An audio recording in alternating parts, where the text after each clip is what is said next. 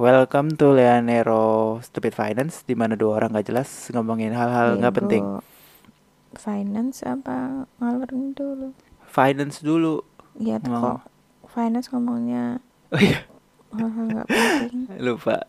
Welcome to Leonero Stupid Finance di mana dua orang bego ngasih tahu kamu gimana cara ngatur duit. Jadi, setelah beberapa minggu aku masuk ke rabbit hole mining dan aku ini mining Bitcoin ya maksudnya.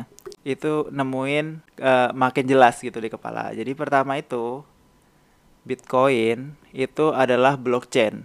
Dia itu misalnya kamu punya HP gitu kan, HP-mu itu eh punya Lea, pindah ke aku, namanya HP HP Nero gitu kan. Terus aku kasih Nadir, terus HP Nadir. Terus di HP-nya itu ada tulisannya, kelihatan kayak HP Nadir dari Nero. Dari Nero, dari Lea, kayak gitu. Itu kan blockchain namanya. Makanya nyambung, nyambung, nyambung terus kayak gitu kan. Nah, terus Nah, terus HP itu kan jadinya eh, aman banget. Jadi nggak mungkin ada duplikat atau palsu kayak gitu kan. Karena semuanya bisa di tracing dari awal keluarnya HP itu. Jadi kamu dari toko kayak gitu kan misalnya. Jadi HP kamu kamu yang megang pertama kali yang baru gitu. Jadi le HP Lea itu pertama. Terus HP Nero, HP Nadir misalnya kayak gitu. Nah, dalam proses pindah itu harus ada pengecekan namanya proof of work atau stake. Yang kita lakuin ini kan kayak proof of work. Jadinya HP kita itu apa jadinya mesin kita itu ngecek kalau dia itu adalah koin yang nyata bukan koin buatan tanpa kejelasan gitu, bukan ngarang-ngarangan. Nah, ngeceknya itu nggak gampang dan ngeceknya itu nggak satu-satu. Ngeceknya itu langsung kayak dalam satu kotak. Dalam satu kotak itu kita harus cek kayak ada ribuan transaksi perpindahan dari ribuan transaksi perpindahan itu kita cek semua satu sampai mereka ketemu ujungnya baru kita dapat hadiah. Kalau bitcoin kita dapat hadiah 12 setengah bitcoin per kotak. Itu dibagi-bagi ratusan orang. Kalau ethereum kita dapat 2 ETH per kotak kayak gitu. Jadinya setiap ada orang yang berhasil memecahkan kotak atau berhasil ngecek kotak itu, dia membuat koin baru. Kalau di Bitcoin 12 setengah, kalau di it- Ethereum itu 2. Dan bonusnya kalau makin banyak transaksinya. Eh, terus ya kayak gitu jadinya udah udah udah jadinya ya cuman kayak gitu jadinya kita cuman pengen menentukan apa Eh, kalau semakin banyak orang yang ngelakuin proof of work ini, maka dunia Bitcoin itu semakin transfernya makin cepat dan semakin aman juga Hmm. karena makin banyak orang yang nge-proof kayak gitu. hmm.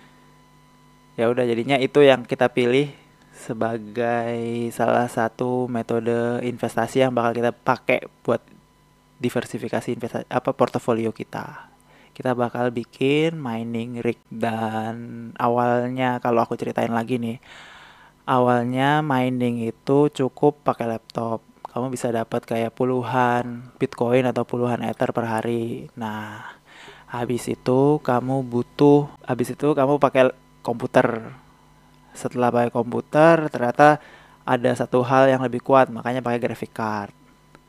Terus ada juga yang bikin ASICS itu kayak suatu eh, kayak mesin khusus buat tambang nggak bisa dipakai apa-apa lagi terus kita milihnya kenapa kita pakai GPU karena GPU fleksibel bisa buat nambang apa aja. Dan kayaknya segitu aja sih yang pengen aku sampein soal mining. Dan aku masih belum tahu harus beli gear apa eh, kenapa terus uh, konsumsi listrik bakal kena berapa itu aku belum tahu. Cuman kemungkinan kalau aku bakal terjun lagi selama dua minggu atau tiga minggu ke depan untuk gali-gali lebih dalam di awal bulan April kayaknya aku udah bisa keluar apa aja yang dibutuhin, listriknya bakal habis berapa dan bakal ngasilin berapa gitu.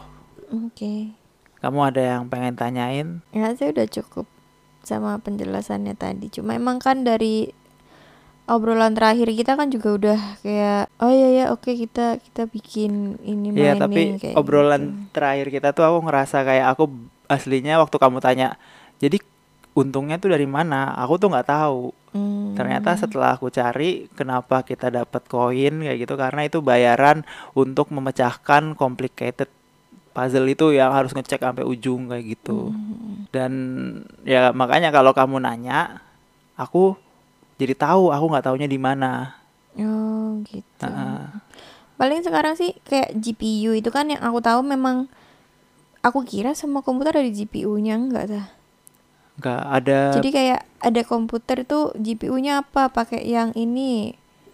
Aku kira itu. kayak ada kalau di laptop ada tulisannya ATI Radeon misalnya kayak gitu kan. Iya kayak gitu-gitu.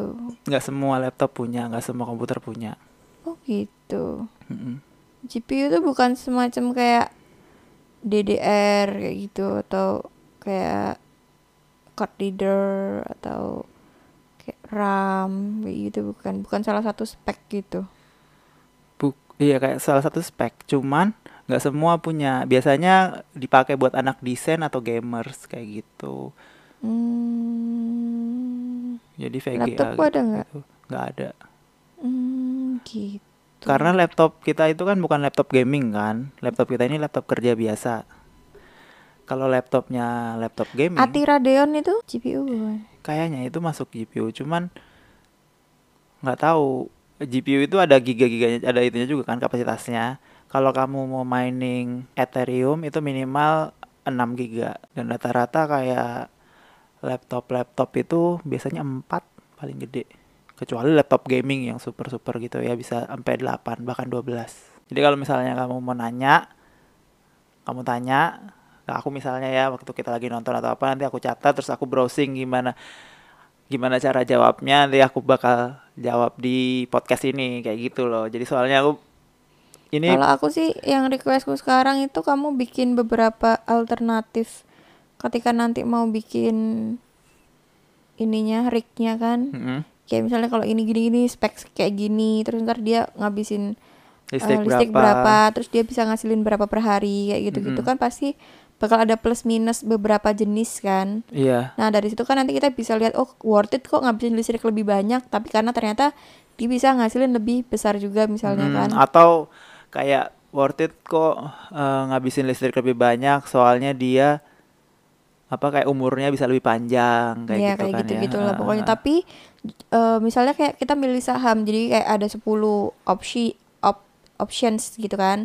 Terus ternyata eh ini ini ini ini yang paling kita eliminasi satu-satu kayak Mm, gitu. mm, mm. Tersisa lima besar, terus eliminasi sisa tiga besar kayak gitu. Ntar mana yang paling worth it di apanya kayak kita lebih condong ke listrik atau condong ke umur atau condong ke penghasilan. Jadi setelah itu bakal bisa ketemu yang paling baik gitu satu dipilih untuk beneran kita eksekusi dan nanti akan kita laporkan gitu kayak sesuai apa enggak realitanya Mm, mm, mm, mm. dan bisa ngasilin berapa dan butuh modal berapa kayak gitu. Oke oke. Jadi kayak kita bakal laporin ngabisin modal berapa, hasilnya berapa, terus kita update per bulan kayak dia tuh baliknya kapan kayak gitu kan. BEP-nya berapa Mm. pan- berapa. Ini kenapa aku milih metode tambang yang eh, proof of work alias mining kayak gini? Karena ada satu lagi namanya proof of stake. Itu tuh kayak kamu naruh Ethereummu di suatu bank, terus eh misalnya ada orang transfer Ethereum itu lewat kamu, terus kamu terusin Ethereumnya, terus selama kamu masih ngecek Ethereumnya ini bener apa enggak kayak gitu. Ini proof of stake, tapi dia per tahun cuma ngasih bunga 20% dan minimal Profit. Hah? Profit Profit apa bunga? bunga. Apa bedanya? Jadi kamu taruh di sana terus guaranteed gitu 20%. Iya. Guaranteed 20%. Tapi kan kalau aku lihat dari yang proof of work ini yang mining-mining GPU GPU-an rata-rata maksimal 4 bulan udah balik. Kalau kayak gini 20% berarti kan 5 tahun balik. Tapi kemungkinan Ethereum bakal ngelakuin ini. Jadinya tahun 2022 udah pakai proof of stake semua. Biar ramah lingkungan. Kayak gitu deh. Segitu aja update dari kita soal mining. So, kalau ada yang ditanyain, please tanyain biar aku tahu di mana aku nggak taunya. Bye bye. Oh iya, kalau kalian pengen kontak kita, bisa kontak di Nerorisme Twitter atau Gue Aprilia. bye bye.